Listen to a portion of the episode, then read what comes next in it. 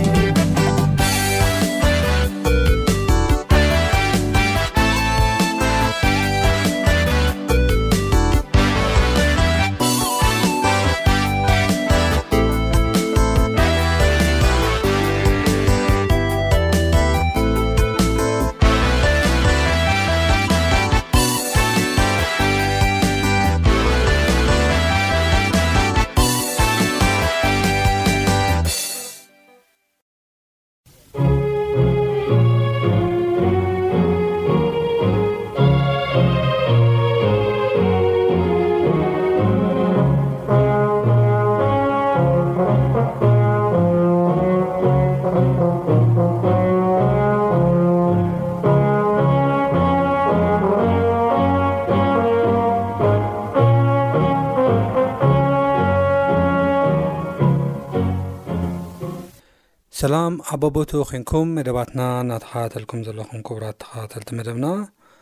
ኣብ ናይ ሎሚ ናይ ካል ግዜና ንሪኦ ኣብ ናይ ሃና ምስጋና እዩ። ሃና መን እያ ነይራ? ኣብ ቀዳማይ ሳሙኤል ብዛዕባ ሃና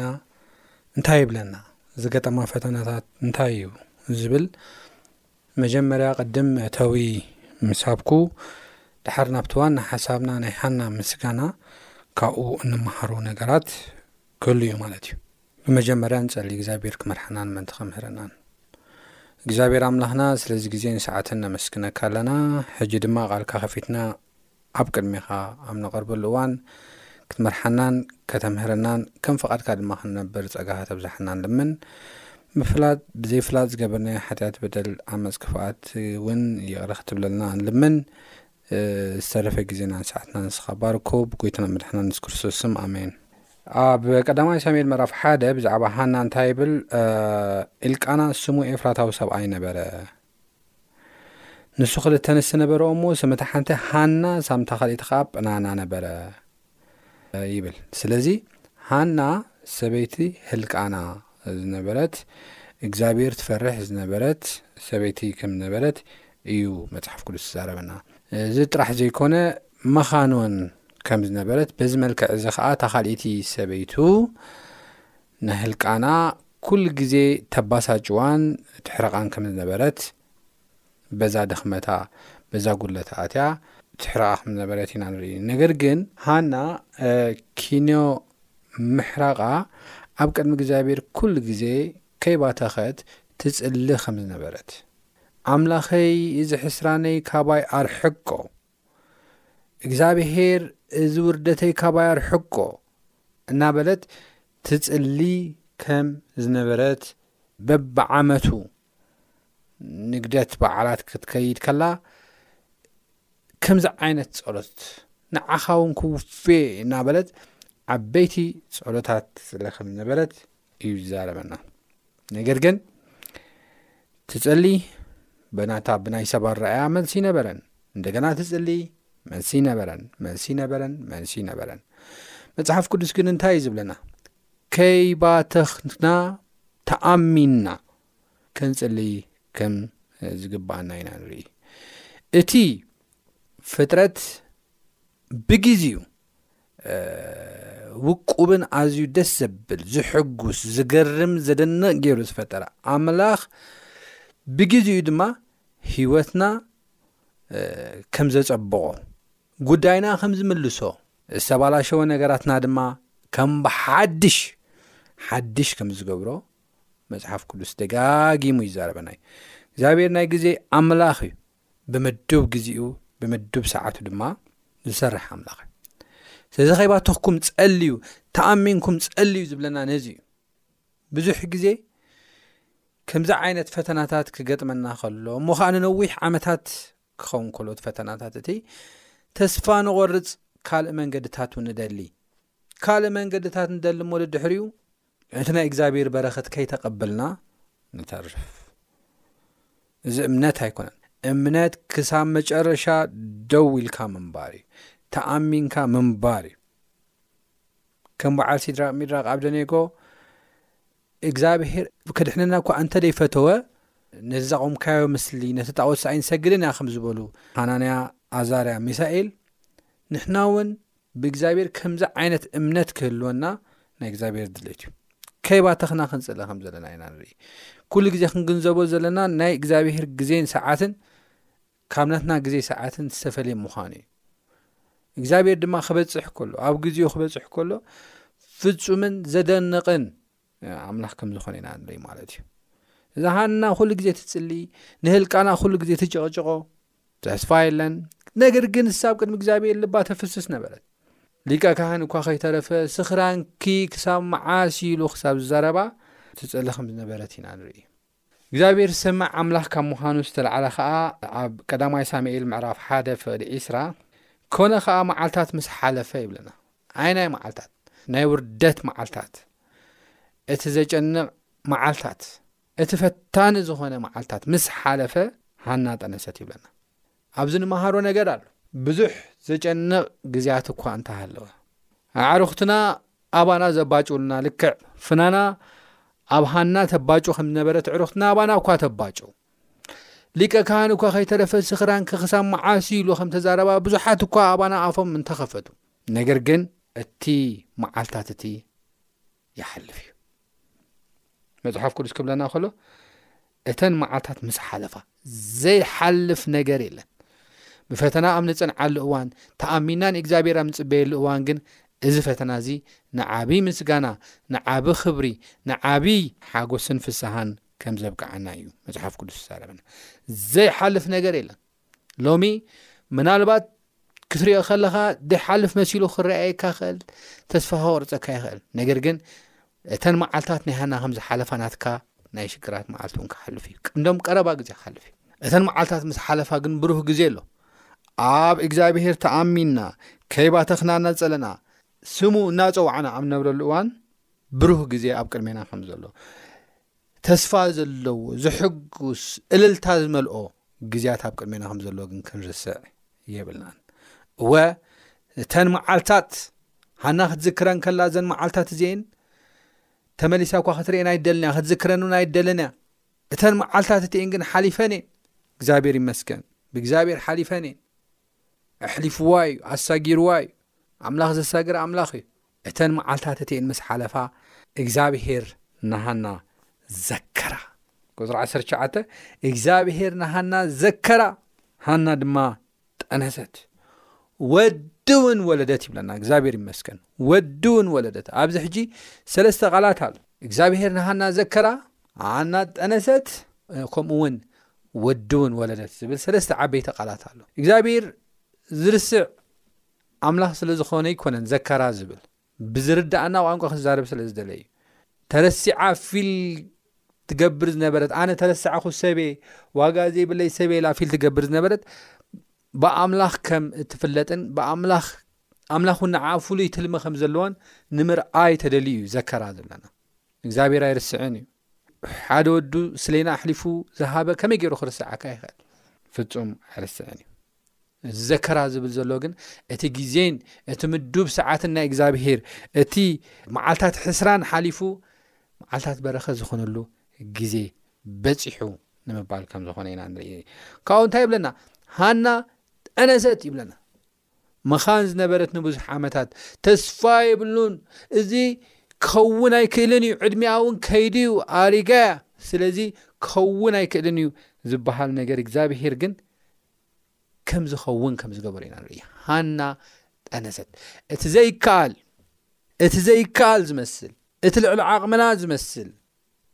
እቲ ብሰብ ተስፋ ተቖርጸሉ ነገር ብእግዚኣብሄር ግን ቀሊል እዩ ብእግዚኣብሄር ግን ዝከኣል እዩ ብጣዕሚ ቀሊል እዩ እግዚኣብሄር ክበጽሕ ከሎ ነገራት ኩሉ ይቀያየር እዩ ኣብ ቀረባ ግዜ ሓደ ምስክርነት ሰሚዐ ክልተ ኮላሊተይ ፈይል ገይረን ሽኳር ሓሚመ ኢሉ እዩ ዝነግረና ክትረኸልና ከሎ ናብ ሕክምና ከይደ ንኣስታት ሽዱሽተ ወርሒ ሃለዋት ኣይፈለጥን እየ ኣይዛረብ ኣይሰምዕ ኣይርኢ ሓኻይም ዘለዉ መዓልታት ሒደት መዓልታት እየን ድሕሪኡ ግን ከመውት እዩ ኢሎም ንቤተሰቡ ነጊሮም እዮም ነገር ግን ሰብኣይ ክምስክር ከሎ ክልተ ኮላሊት ፈይል ዝኾነ እንደገና ተፈጢረን እዩ ዝብለ እንደገና ካብ ማንም ኮላሊት ኣይተለቀሐን ሰብ እዚ እንደገና ኮላሊት እግዚኣብሄር ፈጢርዎን ክብል ኮሎ ኢና ንርኢ ሕጂ ድሓን ኮይኑ ናተመላለሰ ሽዱሽተ ወርሒ ውሒደት መዓልታት ኣለዎ ዝተባህሉ ልዕሊ ዓመትን ገለን ገይሩ ኣሎ ኮላሊተይ እንደገና ተፈጢሩ ኖርማል ኮይኑ ነገራት ኩሉ ክብል ኩለና ክምስክር ኮለ ሰሚዐዮ ብዙሕ ሕማማት ነይርዎ እሱ እውን እግዚኣብሄር ባዕሉ ኣስተኻኺሉ ሓኻይም ተስፋ የብሉን ኣይተምፅዎ ዝበልዎ እግዚኣብሄር ግን ከም ዝፈውሶ ኢና ንርኢ እግዚኣብሄር ግዜኡ ክበፅሕ ከሎ እቲ ዝመደቦ ግዜ ክበፅሕ ከሎ ክበፅሕ ከሎ ባዕሉ እግዚኣብሄር ነገራት ኩሉ ኣብ እግዚኣብሔር ቀሊል እዩ ብሰብ ዘይከኣል ነገራት ኩሉ ኣብ እግዚኣብሔር ቀሊል እዩ መኻን ተባሂላ ተስፋ የብላን ተባሂላ ተዘረበት ተነግረት ሃና ጠነሰት ይብለና እታ ሳልሰይቲ ከዓ ከይድና ክንርኢ ከለና ወዲ ወለደት ኣብ እስራኤላውያን ጓልን ወድን ዝነበሮም ስታተስ ይፈላለዩ ጓል ርስቲ የብላን ብሰብኣያ ትረክብ ኮታስ ብዙሕ ትርጉም እዩ ዘለዎ ወዲ ምውላድን ጓል ምውላድን ብዙሕ ትርጉም እዮም ዝህብዎ ወዲ ምውላድ ኣብ እስራኤላውያን ማለት ዓብ ዓብ ዓብ ዓብ ዓብዪ ነገር እዩ ኢንፋክት ወዲ ጥራሕ ኣይኮነን ግን ሳሙኤል ነቢይ እውን ዩ እስራኤል ሃገር ዘቕንዐ ብናይ እግዚኣብሔር መንፈስ ዝምራሕ ካብ ባርነት ዘውፀ ክንደይ ዓበይቲ ተኣምራት ዝገበረ ናብ እግዚኣብሔር ዝመለሰ ዓብይ ወዲ ከም ዝወለደ ኢና እግዚኣብሔር መንፈስ ዝተመልአ ወዲ ከም ዝወለደት ኢና ንርኢ ትሑት ናይ እግዚኣብሔር ሰብ ወዲ ንዓውን ሓጎስ ዝኸውን ወዲ ከም ዝወለደት ኢና ንርኢ ማለት እዩ እግዚኣብሄር ወዲ ከም ዝሃባ ኢና ንርኢ እሞ ከይባተኽና ንእግዚኣብሄር ተኣሚና ንጸብ እዩ እግዚኣብሄር ብግዜኡን ብሰዓቱን ዝገብሮ ዝፈለጥ ኣምላኽ እዩ እተን መዓልታት ክሓልፋ እየን ከም ዝበልኩ ተን መዓልታት ሓሊፈን ብሩህ ግዜ ናሃና ከም ዝኾነላ ኢና ንርኢ ሰሓቅ እልልታ ከም ዝኾነት ኢና ንርኢ ኢንፋክት ድሕሪኡ ሃና ስሙ መን ኣውፃትሉ እዩ ዝብለና ሳሙኤል እግዚኣብሄር ይሰምዕ እዩ ተኣሚኖም ጸኒዖም ከይባተኹ ዝጽልዩ ሰባት እግዚኣብሄር ይሰምዕ እዩ ይገብር እውን እዩ እቲ ዘይከኣል ነገር ብእግዚኣብሄር ቀሊል እዩ ንሱ ይገብር እዩ ነገራት ኩሉ ብርህ ይገብሮ እዩ እቲ ዝሓለፍናዮ ናይ መከራን ናይ ሕስራን ናይ ውርደትን ግዜ እኳ ዘረስዕ እዩ ኣምላኽና እግዚኣብሄር መስከን ኣፍና በእልልታ መልሓስና ድማ ብስሓቅ ክምላእ ዝገብር ጎይታ እዩ ሳሙኤል በለቶ እግዚኣብሄር ይሰምዕ እዩ ኢላ ሳሙኤል ከም ዝበለቶ ኢና ንርኢ መብዛሕትና ክልተ ሰለስተ ግዜ ንፅሊ እሞ እንተ ዘይተቐበልና በቃ እግዚኣብሄር ረሲዕኒ እዩ ብምባል ፀሎት ንሓድጎ ኢና መብዛሕትና እንምነዮ ነገራት እንደልዮ ነገራት ኣብ ክንዲ ንእግዚኣብሔር ሓቲትና ብእግዚኣብሔር ተኣሚንና ኣብ ክንዲ ተጸቢና እቲ በረኸት ካብ እግዚኣብሔር ኣብ ክንዲ ምቕባል ብገዛእ ርእስና ንምርካብ ብገዛእ ርእስና ንምሓዝ ኢና ንፍትን ኣብዚ ግዜ እዚ ብዙሕ ስሕተታትን ብዙሕ ጥፍኣታትን ከም ነጥፍእ ንርእስና እውን ከም ንጉዳእ ኣብ ተስፋ ምቑራጽን ኣብ ዝሐዘን ድማ ከም ንኣቱ እዩ መጽሓፍ ቅዱስ ዝዛረበና ኣሕዋተይ ያቆብ ምዕራፍ ኣርባዕተ ፍቕዲ ክልተ ኣይለመንኩምን እሞ ኣይተቐበልኩምን ከም ዝብል ሰኣን ምልማን በረኸት ኣምላኽ ከይተቐበልና ካብ ምንባር እግዚኣብሄር የድሕነና እግዚኣብሄር ተዛሪቡ እዩ ለምኑ ክወሃበኩም እዩ ድለዩ ክትረኽቡ ኢኹም ማዕፆ ኳሕኳሕ ኣብሉ ክኽፈተልኩም ኢሉ እዩ እግዚኣብሔር ክንሓቶ ከይባተኽና ክንጽሊ ከይባተኽና ናብኡ ክንቀርብ ይደሊ እዩ ስለዚ ከይባተኽና ናብኡ ክንቀርብ ከይባተኽና ጉዳያትና ናብኡ ከነቐርብ ይግባኣና እዩ እግዚኣብሔር ይከኣሉ እዩ እሞ ከመይ ገይሩ እዩ እግዚኣብሔር ክገብረለይ እዚ ክንብል የብልና እሞ ናተይ እኮ ተስፋ ተቆርፀሉ እኮ ምንም ተስፋ እውን እኮ የብሉን እኮ ኣነ እኮ በቃ ዝጠፋእኹ ሰብ እኳ እየ ክትብል ትኽእል ኢኻ ነገር ግን ከምኡ ኣይኮነን ሃና ተመልከታ ሃና እኮ መኻን ኢኺ ተባሂላ ንብዙሕ ዓመት ዝነበረት ሰብ እያ መላገፂት ኮይና ዝነበረት ሰብ እያ ሰባት ዝዕበዩላ ዝነበሩ ሰብ እያ ምንም ኣብ ህይወታት እዚ ዝበሃል ሰብኣዊ ተስፋ ኣይነበረን ብቆልዓ ዝተመልከተ ምንም በቃ መኻን ኢኻ መኻን ኢኻ በቃ ግን እግዚኣብሄር ይኽእል እዩ መኻንነት ሴሩ እግዚኣብሄር ውላድ ከም ዝሃባ ከም ዘሕቑፋ ኢና ንርኢ ማለት እዩ ሞሎሚ እውን ንስኻ ንትህቦ ምኽንያታት ኩሉ እግዚኣብሄር ይኽእል እዩ ዝብል መልሲ እዩ ዘለዎ እግዚኣብሄር ይኽእል እዩ ብዙሕ ምኽንያታት ክድርድር ትኽእል ኢኻ ነገር ግን እግዚኣብሄር ይኽእል እዩ ኣብ ቅድሚ እግዚኣብሄር ቀሊል እዩ ጥራሕ ጸሊ፣ ጥራሕ ሕተት፣ ጥራሕ ስም እግዚኣብሄር ጸውዕ፣ ከይባተኽካ ተኣሚንካ ተጸበዮ። እግዚኣብሄር ንሃና፣ እግዚኣብሄር ሰሚዑኒ እዩ፣ ንእግዚኣብሄር ለሚነዮ እቲ ዝለመንክዎ ድማ ገይርለይ እዩ ኢላ ሳሙኤል ከም ዝበለቶ ንዓኻ እውን ሳሙኤል ክኾነልካ እዩ። ንዓኻ እውን ሳሙኤል ክኾነልካ እዩ። እምበኣር